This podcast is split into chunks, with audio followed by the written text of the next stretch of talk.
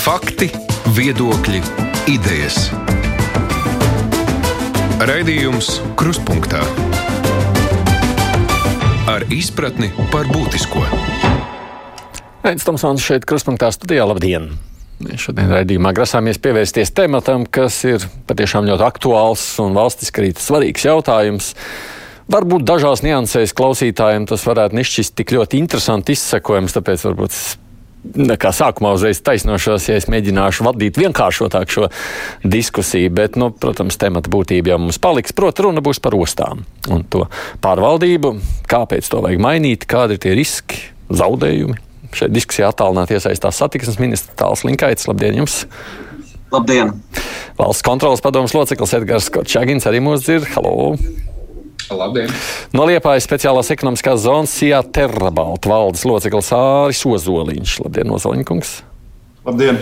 Un arī biedrības Baltijas asociācija transports un loģistika valdes padomnieks juridiskajos jautājumos Eriks Pūle. Labdien, Erika! Labdien! Par to situāciju vispār apgrozījums ir krities visās Latvijas ostās, vai tā, Linkaiškungs? Jā, ārējo faktoru ietekmē apgrozījums ir krities gan Rīgā, gan Ventspīlī, gan Liepājā, gan arī mazajās ostās, un arī mūsu kaimiņos Klaipēdā un um, nedaudz mazāk, protams, Tallinā. Būtiski krities. Uh, Kā kurā ostā, atkarībā no ostas specifikas, Vēnspīlī vairāk, jo tā ir vairāk specializējusies tieši naftas, naftas produktos un vēsturiski arī akmeņogļu pārkraušanā. Faktiski, ja mēs skatāmies pa preču veidiem, tad akmeņoglis ir tās, kuras ir šo kritumu ietekmējuši visvairāk. Un vainīgs pamatā ir Covid. Uh, nē, uh, tie procesi iesākās uh, jau stipri pirms Covid, gan saistībā ar Krievijas jaunu termināļu celtniecību, kas specializējušies tieši akmeņogļu pārkraušanā un naftas produktu pārkraušanā, kas ir nu, tāda skaidra Krievijas politika pārvirzīt šos te strateģiskos, strateģiskās preces vairāk uz Krievijas ostām. Gan arī tas, ka pēdējos gados aizvien vairāk krītās pieprasījums pēc akmeņogliem dēļ dažādām zaļajām aktivitātēm. Nu, un Covid, protams, tikai pielika vienu tādu vēl papildus akcentu. Mm, bet, ja runājam par savukārt, ko tas nozīmē valstī, ja nu, mūsu budžetam, mums visiem kopumā, kādus zaudējumus tas rada šāda veida kritums? Um, Ja mēs skatāmies pēc ietekmes uz iekšzemes koproduktu, tad, protams, visa tranzīta sfēra mums dod vienu labu, labu procentu no iekšzemes koprodukta. Samazinājums ir pagā, ietekmē faktiski jau pēdējo ceturksni pagājušajā gadā iekšzemes koproduktā. Un šogad arī pirmais ceturksnis bija nu, tāds jau, jau ar zemāku pieaugumu. Bet nu, Covid krīze to visu tāpat ir noslāpējusi, līdz ar to eh, pašlaik tam vairs nav tik liels nozīmes. Hmm. Tagad eh, par uh, situāciju kā tādu. Un te nu, aicinātu droši vien būs izteikties visi. Kur ir tā problēma? Vai mēs kaut kā varējām, varam izvairīties no tā, ka ostās situācija paliek sliktāka, kravu samazinās, jo mums nu, kravas ir tādas, kādas ir. Mēs kraujam to, ko, no ko nemaz vairs negrib caur Rīgu tik daudz best. Kā jūs katrs vērtējat, cik tur ir, nu, saka, tas ir tāds neizbēgamais apstākļu kopums, un cik tomēr tā ir nu, arī varbūt nepārāk veiksmīgi veidot politiku līdz šim. Kurš no jums pirmais gatavs sākt? Nu, nu, iesākumā es varbūt uh, tomēr mēģinātu teikt, ka uh, klausītājiem ir jāsaprot, uh, kas ir tie galvenie spēlētāji tranzīta biznesa nozarē. Uh, Un pamatā tie tomēr ir kravu piegādātāji, nosūtītāji. Latvijā tie ir privātie kravu termināļi, kas pārkrauj šīs kravas, un tad pārējie ir tikai starpnieki. Dzelzceļš ir tas, kurš piegādā kravas, vai arī autotransports ir tas, kurš piegādā.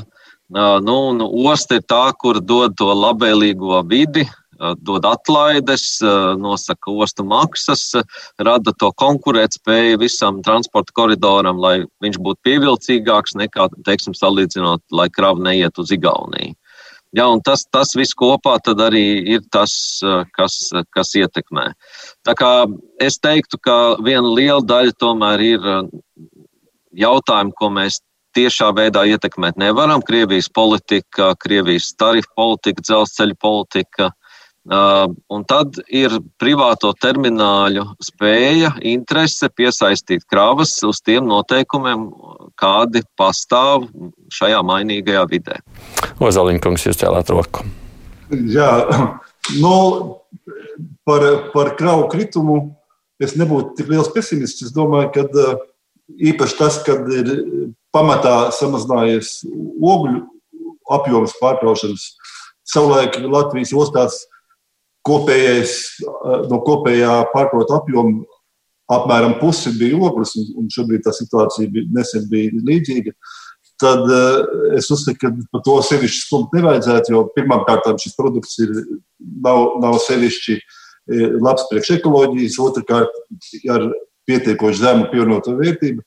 Ir daudz lielās ostas, kā mēs zinām, mūsu kaimiņos Klaipēda, piemēram, Tallinn, kur šāda veida produkts principā atsakās vispār pārkraut, jo, jo Jo, jo es domāju, ka ostām jā, jātiecās uz, uz kravām ar lielāku pievienoto vērtību, uz vērtīgākām kravām. Un es domāju, ilgtermiņā tas varbūt Latvijai būs iegūms, ja mēs spēsim aizvietot šīs ogļu kravas ar, ar, ar vai konteineriem vai citreiz gravām. Bet kāpēc mums tas tā nav iznācis līdz šim? Es lasīju to Pasaules bankas pētījumu, kas tas bija par gadu. Nu, vismaz kādi septiņi gadi pagājuši, kad toreiz bija iesniegts valdībai ziņojums par to, ka nu, mēs esam strādājam ne uh, ilgtermiņā. Šādā veidā rūpējamies par kravām ar mazu pievienotā vērtību, kurām drīz pieprasījums tāds nebūs, un tās konteineru kravas, kas ir ar krietni lielāku pievienotā vērtību, netiek pārvadātas, un ka Latvijai jāstrādā šajā virzienā. Ir pagājuši septiņi gadi, ten pat vien esam. Kāpēc? Jā, es piekrītu, bet, uh, es uzskatu, ka uh, nu, Liepājā uz šo brīdi kritums uh, ir salīdzinoši pagājušo gadu ap 13% pamatā tas ir uz, uz tieši uz ogļu rēķina, jo ogles liepājā tiek pārkrauts samērā nesen, un arī šie apjomi nav tik iespaidīgi. Es domāju, ka liepāja salīdzinoši pagājušo gadu krāva ziņā būs samazinājums, ja viņš būs, būs ļoti, ļoti minimāls, jo, jo mēs, eh, kā jūs ziniet, ir laba graudu raža, un arī mūsu uzņēmums kā Terabalts strādā ar, ar īpaši ar kravām, kam ir, kam ir pievienot, pievienotā vērtība mm. daudz, un, un arī jūtam, ka gaidām kravu pieaugumu. Polskungs, kā jūs skaidrot šo? Runājot par kravām, kravas principā plūst tur, kur, kur ir ekonomiski tām izdevīgi plūst. Un šeit gribētu piemēru minēt Klaipēdas ostu. Ja mēs paskatīsimies 20 gadu atpakaļ, kā tā osta bija un kāda atrodas šobrīd.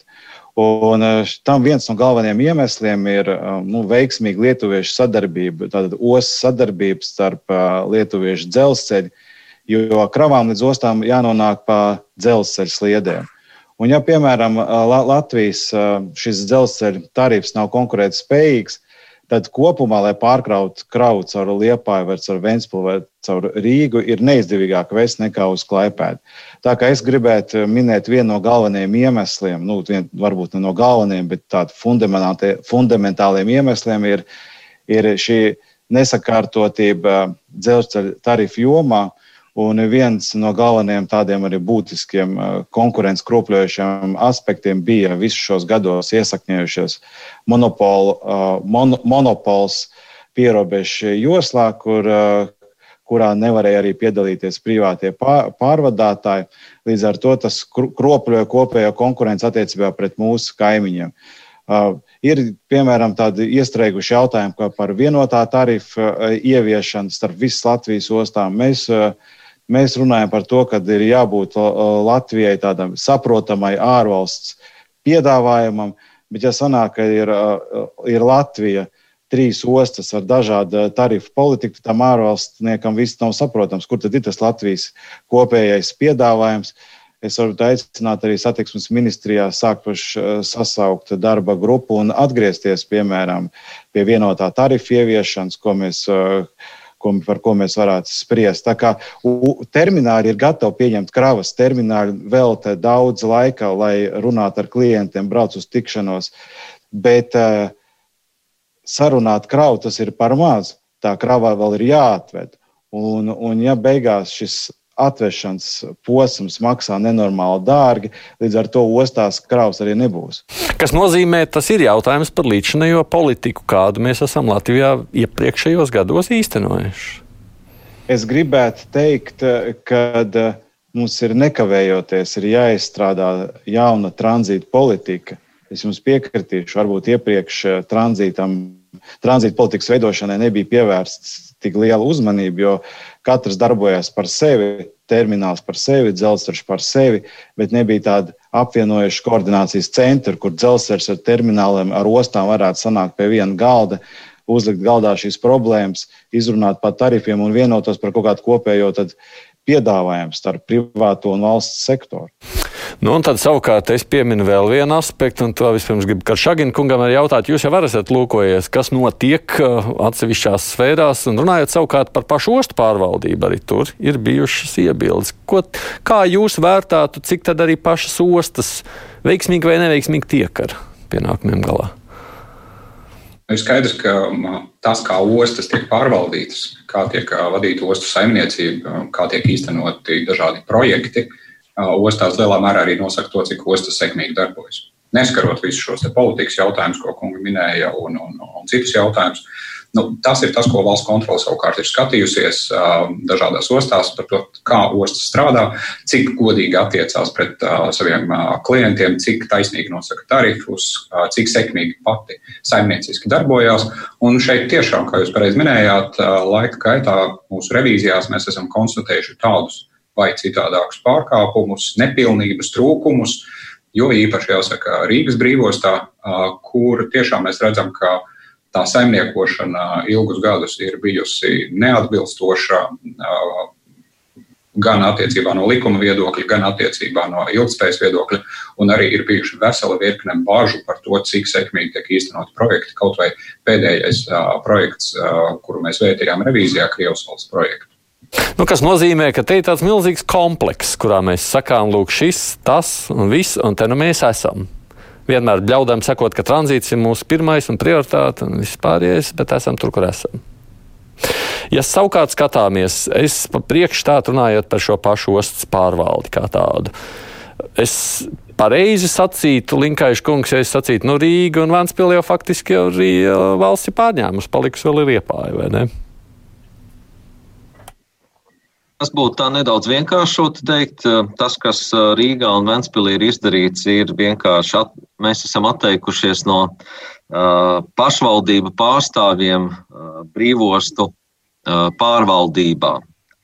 Bet eh, tas nebūtu nenozīmē, ka ir kaut kas būtiski mainījies pašā pārvaldības mehānismā, un, un tāpēc arī mēs šodien runājam par ostu pārvaldības modeļu maiņu kā tādu. Kam tur būtu, ja jūs tā cilvēciski vienkāršot varētu mēģināt pateikt, nu, kam būtu jāmainās, lai arī ostu pārvaldība būtu efektīvāka? Vienkāršot, es teiktu, ka nekāds, ne, nekas jauns jau nav jāizdomā. Mums visu, gan, gan Eiropā, gan arī šeit pat Latvijā, nu, saimnieciskās darbības objekti tiek pārvaldīti kā uzņēmumi. Un, un viss šis ostu pārvaldības modeļa maiņa, tas, tas, tas nosaukums faktiski ietver to, ka mēs vēlamies ostas no iestādēm pārveidot par uzņēmumiem. Un, uh, īpaši Latvijā uh, būtiski ir tas, ka uh, mums ir jau pietiekami skaidra likumdošana par to, kādā veidā uzņēmumi ir jāpārvalda. Tātad tur nevar būt politiski ieceltas personas, gan valdēs, gan padomēs, konkursu kārtībās tiek atlasīti profesionāli cilvēki, kas ikdienā strādā ar ostas aktīviem un rūpējās kā krietni un rūpīgi saimnieki, lai visa šī saimniecība būtu sakārtota, efektīva un dotu valstī un pašvaldībai labumu. Nevis ievēlētais politiķis uzņemas ostas vadību. Jā, tieši tā. Tā mums ir bijis gadu desmitiem, un faktiski um, bijuši visi mēģinājumi iepriekšējie, kas ir bijuši gan 2002. gadā Enāra Repšas valdība, gan 2012. gadā Valda Dombrovska valdība mēģināja šo sistēmu mainīt. Viņa atdūrās pret uh, šo vietējo pašvaldību vadītāju uh, pretestību. Ja tad jūs sacītu tā, tā ostas pārvaldības mājas kvintesence ir depolitizācija. Jā, tā tad, ja ostu vadītu profesionāli cilvēki, kas saprot šo ostu saimniecību, saprot šo specifisko biznesu, tad daudzas lietas mainītos uz labo pusi, ieliekot arī tos visus mehānismus, kas ir OECD labas pārvaldības mehānismi kas jau mums faktiski ikdienā sāk iestrādāties gan valsts, gan pašvaldību uzņēmumos. Vai kādiem no pāriem diskusijas dalībniekiem būtu iebilžu, vai ir iebildes par šādu uzstādījumu? Jā, Uzvaļņkungs. Jā, es labprāt oponētu šim jaunam plānam, projektam pārveidot ostu pārvaldes par kapitāla sabiedrībām, vai kā ministra kungs minēja, par uzņēmumiem. Es uzskatu, ka ja, ja šis mērķis ir apšaubāms, ja veikt uzņēmēju darbību pašām šīm pārvaldēm un gūt pēc iespējas lielāku peļņu. Manuprāt, šīm ostas pārvaldēm vai liepais sirds pārvaldēji pamat uzdevums būtu radīt uzņēmēju darbībai labvēlīgu vidi, sakārtot infrastruktūru, lai būtu pievilcīgi investoriem un ostas komersanti varētu piesaistīt un pārdot vairāk kravas un tādā veidā dot lielākus ieņēmumus gan, gan šīm pārvaldēm, gan valstī. Jo, jo tas, ja, ja jaunās kapitāla sabiedrības plāno pašas nodarboties ar komercdarbību un stildoru pakalpojumu veikšanu, manuprāt, tas, tas būtu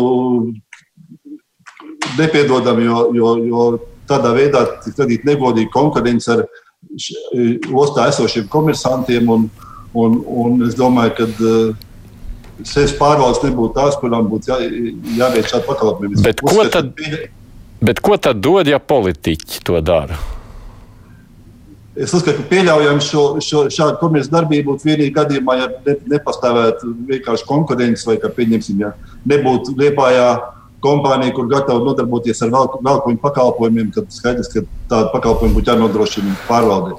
Es mēģinu, jo es, es tiešām, kā jau es teicu, es mēģināšu mazliet vienkāršot šo lietu, pastīties no šāda viedokļa. Nu, Linkaiš kungs to vienkāršo. Viņš saka, te bija politiķi. Te tā liksim profesionāļus. Ar ko politiķis ir labāks? Piedodiet, mums tur reizēm visvisādas ievēlam cilvēks. Nu, labi, sakiet, uh, Pulskungs. Ja, šīs um, ostas reforma ir jāsadala divos jautājumos. Uh, pirmkārt, es gribēju pateikties Linkaišu kungam par šo vēlmu sakārtot beidzot ostas un ostu, uzlabot ostu pārvaldību. Tas būtu viens uh, bloks. Tātad uh, šīs um, reformas mērķis ir sakārtot pārvaldību. Eh, bet eh, šīs pārvaldības sakārtošanai ir tagad piekabināts jauns bloks, eh, ostām tiesības nodarboties ar komercdarbību. Un šīs jaunās tiesības rada bažas mūsu biedros un komersantos, jo principā tas teorētiski arī varētu apdraudēt gan investīcijas, un vairs nav saprotams, vai nākotnē nesanāks tā, ka esošam blakam privātam terminālam uh, ja šī jaunā kapitāla sabiedrība nodom, izdomās eh, nodarboties arī ar kādu kravu pārkāpšanu, netiks uzbūvēts viens tāds valsts termināls, ar ko loģiski eh, privāts termināls nevarēs konkurēt, jo tad sanāks valsts eh, dzelzceļš, valsts termināls un ir visādi, kā saka, konkurences riski. Vai es pareizi tagad, ja es drīkstētu jūs precizēt, ideja par to, ka, val, ka pārvalda ne politiķi, bet profesionāļi par to jau iebilžu nav. Jautājums, ko drīkst darīt pārostas kā tādas, kā pārvaldes? Tieši, tieši tā pret to, ka ostas pārvalda nepolitiķi iebildumu nav, un tas pat ir apsveicami, jo ostas ir jāpārvalda profesionāļiem, kas ir iecelti konkursu kārtībā. Bet uh, savukārt šim visam blakam nāk šīs jaunās tiesības nodarboties ar komercdarbību. Un šeit ir svarīgi tas, ka es neesmu nevienās atzinumos redzējis tādu izvērtējumu, kāpēc kapitāla sabiedrības forma būtu labāka, piemēram, nu, par, par sejas formu, kā tas ir Liepājā. Kāpēc nevarētu būt Vēncpils sejas?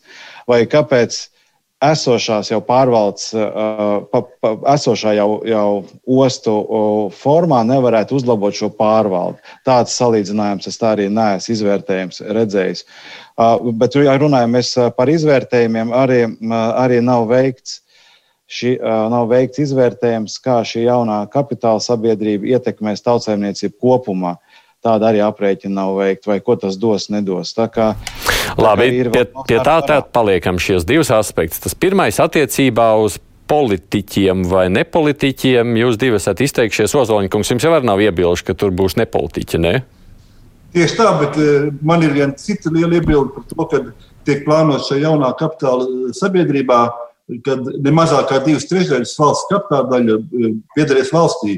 Tas nozīmē, ka pašvaldība, kā jau šobrīd, tas, kā mēs redzam, Ventspīlī un Rīgā, principā nepiedalās pie ostas pārvaldības, kas, kas nav atraujams no, no, no pašvaldības. Es uzskatu, ka, ja pieņemsim, eh, piemērs, mēs bijām uz diskusiju Ventspīlī 7. jūlijā, kur tiešām tika lemts par, par, par šīm izmaiņām, kur nebija pieaicināts un nepiedalījās neviens pārstāvs no, no, no, no pilsētas, izņemot opozīcijas. Arī. Nu, te mēs tādā nonākam pie tā otrā politiskā jautājuma, ka tas nav stāsts tikai par politiķiem vai nē, bet vai tur ir valsts vai tur arī pašvaldības. Ja drīkst, ka Šagina kungs, es jautāšu jums vispirms. Jūs kā valsts kontrola, protams, nevarat spiest par politiku, un tomēr iepriekšējā pieredze jau bija tāda, tātad puses pārvaldīja valsts, puses pārvaldīja pašvaldība. Tas bija neveiksmīgs skatoties no jums kā valsts kontrolas viedokļa modelis jums taisnība, nu, ne, nevērtējot par to, kāds modelis būtu veiksmīgāks vai nē, to tiešām mēs atstājam profesionāļu ziņā. Taču tas, ko mēs redzam no revīzijām, gan ostās, gan varbūt arī cita, citās līdzīgās institūcijās, jo sarežģītāks pārvaldīšanas modelis jo lielākas atkāpes vai izņēmumi no viena vai otra klasiskā valsts pārvaldē jau aprobētā un pierastā modeļa, jo grūtāk pēc tam, ja tā var teikt, galvas sacīt. Nav atrast, kas ir atbildīgs beigās, jā, ne? Nav, nav at, viegli. Jā, jā. Un, teiksim, brīvos tas gadījumā, tas bija klasisks piemērs. Tajā brīdī, kad mēs ar, ar, ar revīziju rezultātiem, faktiem nepārprotami parādam par to, ka ir pieļauti tādi vai citādāki pārkāpumi, gan disciplināri pārkāpumi, gan jau attiecīgi krimināli sodām pārkāpumi ļoti grūti bija mums tajā brīdī atrast, kurš var reāli izvērtēt šos te, uh, pārkāpumus un lemt par kaut kādu amatpersonu atbildību. Jo tajā brīdī mēs vērsāmies pie satiksmes ministrijas. Satiksmes ministrija saka, mēs neuzraugam ostas, mēs vēršamies pie Rīgas domas, tur atbildi ir tieši tāda pati. Tad, nu, kur, kur, kur tad tas ir? Tas, ko mēs no savas puses aicinātu, ir, uh, lai vai kāds tas modelis būtu, lai eksperti izspriež, bet lai tas ir pietiekami skaidrs, pietiekami nepārprotams, kuri likumi attiecās, kuri ir piemērojami vienā vai otrā situācijā, un uh, kā pēc tam novērtēt šo institūciju darbību. Kas nozīmē, Ozoliņa kungs, tā būtu tāda izšķiršanās, vai nu uzņemas pilnu atbildību pašvaldība vai uzņemas valsts? Jā, es piekrītu, ka atbildība jāuzņemās domāju, gan valstī, gan pašvaldībai. Bet, bet eh, pilnībā ignorēt pašvaldību, pārvaldot ostas, es uzskatu, ka tas būtu nu, vienkārši neiespējami. Jo, jo nevar atraut, pieņemsim, ja iepa, iet runa liepāja par speciālu ekonomisko zonu, tas aizņem divas trešdaļas no pilsētas teritorijas. Un, un arī kā, kā piemērs, pieņemsim, Metnurgu teritoriju degradētā, kur jau daudzus gadus ir, ir, ir pamest novārtē. Šobrīd ir plāns liepais sezam sakārtot un izveidot tehnoloģisko parku.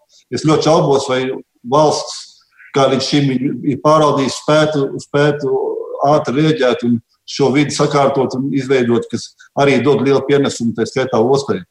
Pulskungs, es gribu jautāt jums savukārt no šāda skatu punkta lūkojoties. Jūs pats sacījāt, nu, ka jūs sagaidāt no valsts to koordinējošo, nu, ka beidzot nav tā, ka katru osti pat par sevi. Te nu valsts piedāvā pārņemt visu savā pārziņā. Kas tad ir svarīgāk? Ka beigās pašvaldība uz vietas tur katra par savām interesēm rūpējas, vai tad valsts skatās uz to kā no tāda putnu lidojuma kopumā? Nu, es gribētu pateikt, ka uh, ostas darbībā bez sinerģijas starp pašvaldību, valsts un uzņēmēju ostām būs grūti strādāt. Mums jāatrod šis labākais variants. Uh, tāpēc manā skatījumā šajā jaunajā ostas uh, modelī, pārvaldībā, līdzīgi kā Liepājā, jāpiedalās visiem šiem trīs - gan pašvaldībai, valstī un uzņēmējiem. Un tikai tad mēs varam Tā jūs man uzkārāties tīri tehniskā nozīmē, bet Linkaiša kungs, nu tad skatoties savukārt uz tām bažām no pašvaldību puses, vai nu pat no arī pašu ostu puses, ka redz, nu, valsts jau tās vietējās intereses vajadzības tik ļoti nenovērtēs un neņems vērā. No valsts šeit skatās no valsts strateģiskajām interesēm, un mūsu strateģiskās intereses ir, lai ostas darbotos koordinēti, profesionāli un efektīvi. Un, no, no šāda viedokļa mēs esam par to, lai, kā jau es teicu, lai ostas kā uzņēmumi strādātu. Mums ir šis kapitāla sabiedrība modelis pietiekami skaidrs, un kā jau Korčāgina kungs teica, jebkurā citā situācijā nav jau no kā paprasīt atbildību. Bet, ja mums ir kapitāla sabiedrība, tur ir valde, kā krietns un rūpīgs saimnieks, ir izveidojusies tiesa prakse, kā piedzīt zaudējumus no valdes locekļiem, kas nestrādā uzņēmuma interesēs, un tad nebūs tādi gadījumi, kā piemēram Liepājā, kur es, es nesaprotu, kāpēc Liepājas uh, ostai ir jāuztur, piemēram, Liepājas pārstāvniecība Rīgā, nevis uh, Liepājas ostas pārstāvniecība Baltkrievijā. Un tādu piemēru ir daudz, kur šīs pašvaldību līdzdalība viņa, viņa vairāk ir vērsta uz savu interesu apmierināšanu, kas, protams, arī ir svarīgi. Teiksim, Liepājas gadījumā tā ir šī industriālā zona, bet jāsaprot, ka situācija arī palēnām mainās. Mums nākamajā periodā samazināsies Eiropas Savienības līdzekļi, ko mēs varēsim piedāvāt ostām izmantot. Līdz ar to ostām būs vairāk jānopelna pašām un ar, ar, ar tiem resursiem, kas būs jāgarantē gan tā infrastruktūra, kāda pašlaik ir ostas teritorijā, gan arī nu, jānodrošina relatīvi šīs šķērs subsīdijas industriālajām teritorijām, kas tiek veidotas. Tā kā tur es tomēr vēlētos redzēt profesionālus cilvēkus, kas, protams, sadarbībā ar pašvaldību. Bez pašvaldības mēs nekur neliekamies, un tāpat gan nodokļu režīms, gan uh, atskaitījumi pašvaldībām no ostu darba paliek, šī sinerģija paliek. Mēs tāpēc arī piedāvājam pašvaldībām nākt iekšā, piedalīties kapitālā uh, šajos uzņēmumos, lai līdzdarbotos un kopīgi pieņemt lēmumus. Vispirms, Karčagina kungam, kā jūs vērtējat šo piedāvājumu kā tādu? Tas būtu risinājums labākai pārvaldībai no valsts kontrolas viedokļa. Mēs noteikti um, uz šo piedāvājumu šobrīd varam skatīties tikai kā uz projektu, nevērtējot. To mēs darītu, ja mēs veiktu revīziju. Un, uh, tas mums, pieņemsim, ļautu salīdzināt uh, uh, vienu pārvaldības modeļu priekšrocības pretstatā otram, kuru mēs esam revidējuši iepriekš. Nu, labi, nu, un pārējiem abiem kungiem, nu, tas, ko saka Linkaiša kungs, nekur jau tā sinerģija nepazudīs. Pašvaldības jau turpat vien būs. Tā, tā nepieciešamība pēc viena atbildīgā. Nu, mēs viņu esam dzirdējuši arī daudz iepriekšējos gados no vienkārši iedzīvotāju puses. Viņi saka, nu, kādam taču beigās jāuzņemas atbildība un kam tā neiena valstī. Es varu īsti nokomentēt situāciju Lietpājā. Liepais eh, SES valdē ir deviņi pārstāvi, no kuriem trīs ir ministrija pārstāvi, trīs uzņēmēji pārstāvi, trīs pašvaldības pārstāvi. Un, uh, valsts pārstāvja šīs trīs ministrijas augsta augst ranga ierēģi, kuri, kuri tiešām skaidrs, ka viņiem ir liels resurss, kuri ļoti uzmanīgi seko un, un piedalās šajā procesā. Un nav bijis gadījums Liepais SES valdē, kad ja valsts pārstāvi iebilst pret kādu jautājumu lemšanu, tad, tad citi pārējie seši lemt savādāk. Vienmēr ir, ir atnā, atrast kompromisu un, un visi šie jautājumi ir, ir, ir izsnāti. Arī šī atbildība skaidrs, ka ir jābūt gan valstī, gan pašvaldībai, gan arī uzņēmējai. No, jums, domāju, ka, jā. jums varbūt ja šeit... tikai, jā. ja būs tikai valsts atbildīga, nu, domāju, tas jau būtu labi. Bet mēs nesaprotam, kas būs tālāk, vai, vai būs labāk. Mums ir liel, liels bažas, kad, kad uh, būs sliktāk nekā, nekā šobrīd. Jo arī, arī ar šo jaukšanos komercdarbībā, ar šīm in, investīcijām, par infrastruktūru, jo Liepa ir sevišķi tā īpašā stāvoklī, jo Liepa ir, kā mēs zinām, ostu pārņēmām no, no, no militāristiem, un arī uzņēmēji paši ļoti daudz investējuši ir tieši infrastruktūrā. Pieņemsim, mūsu uzņēmums dažu gadu laikā ir vairāk kā miljonus eiro investējuši infrastruktūrā savā uzņēmumā, lai attīstītu šo nozari. Ja, ja tālāk mums konkurēs ar mums, pieņemsim valsts šis uzņēmums, tad es domāju, ka tā nebūs normāla situācija. Vienkārši kungs atbildēt par tām bažām attiecībā uz konkurenci un uzņē, valsts uzņēmējdarbību. Man liekas, te ir vienkārši tāda uh, pasaku stāstīšana mazliet, jo uh, tas, ko valsts šobrīd ir pateikusi un satiksmes ministrija, ko ir pateikusi, tātad uh, reformu mēs veidojam tādējādi, kā pārveidojam šīs iestādes par uzņēmumiem. Tas ir politiskais uzstādījums, un tas ir tā, ir tā Kariņa valdības politiskā griba.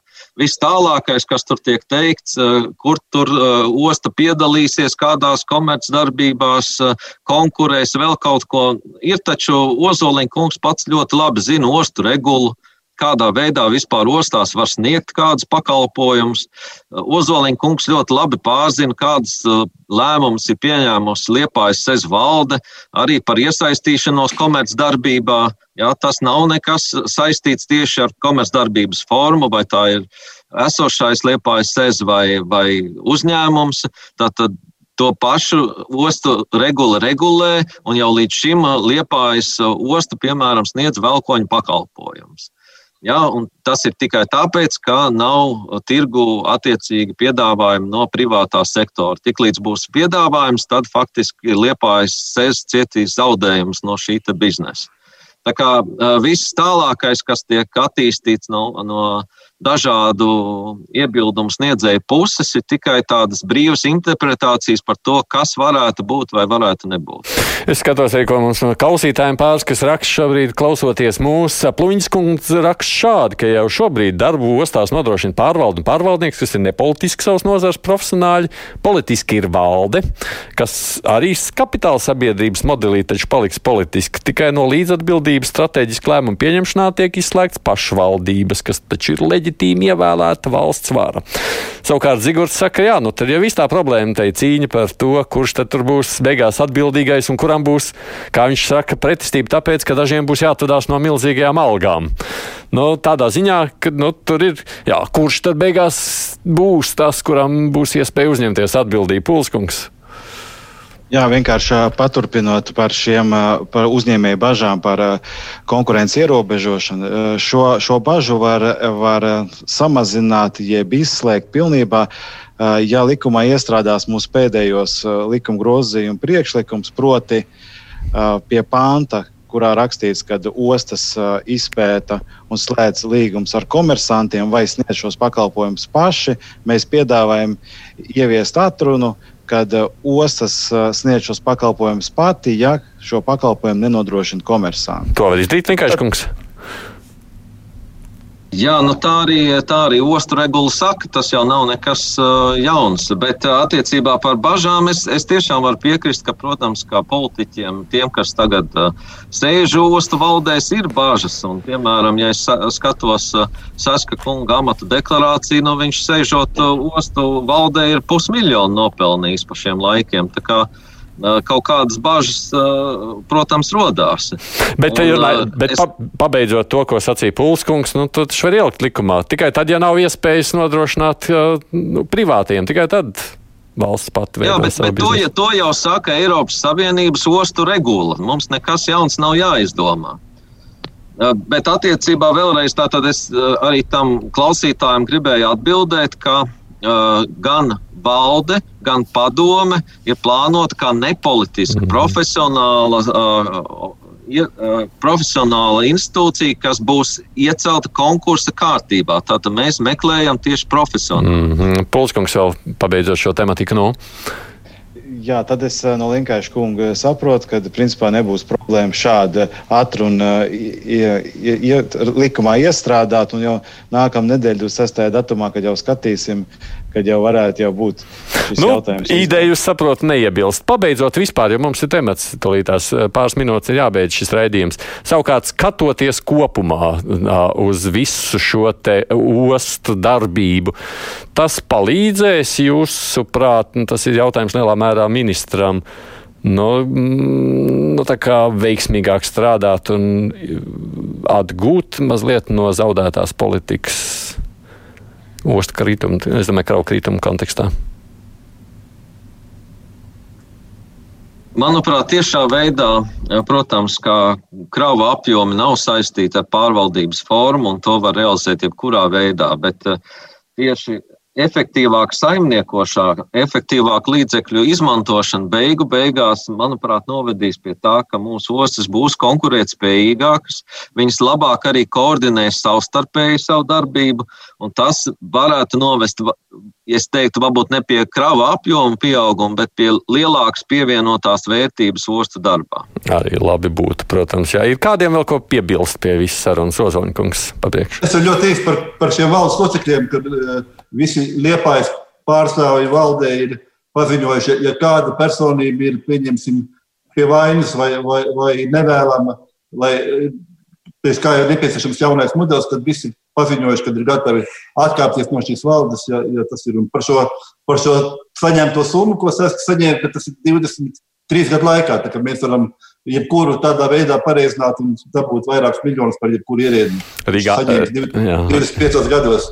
Rīgā vairāk mainījās pašvaldības, vai ne, nekā Vanspilī vai, vai Liepājā. Pulskungs.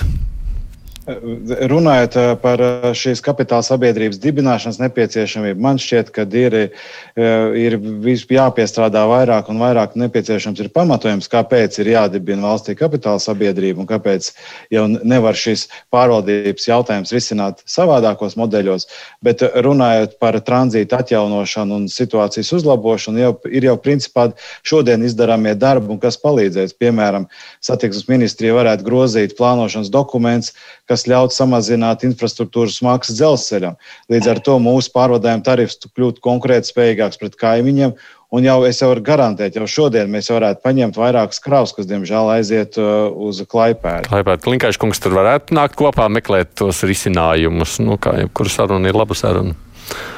Protams, mēs jau vairāk kārt esam dažādos formātos runājuši, ko vajadzētu darīt un ko, ko mēs jau tagad darām. Un es gribētu tikai atgādināt, ka pašlaik mēs esam tādā situācijā, ka mēs dotējam Latvijas dzelzceļu par to, lai infrastruktūras maksa nepalielinātos. Tātad faktiski Latvijas valsts jau tagad uztur dzelzceļu tādu, lai nodrošinātu šo tranzītu koridoru. Tā kā viss nav tik vienkārši. Bet paldies jums par sarunu. Mēs mazliet iezīmējām to ainu, kāda ir starp uh, problēmām, kādām saskarās ostas, un arī par iecerēm. Es saprotu, Linkaiša kungs tālāk jau šī ideja tiek virzīta itin drīz jā, par šo pārvaldības modeļu maiņu.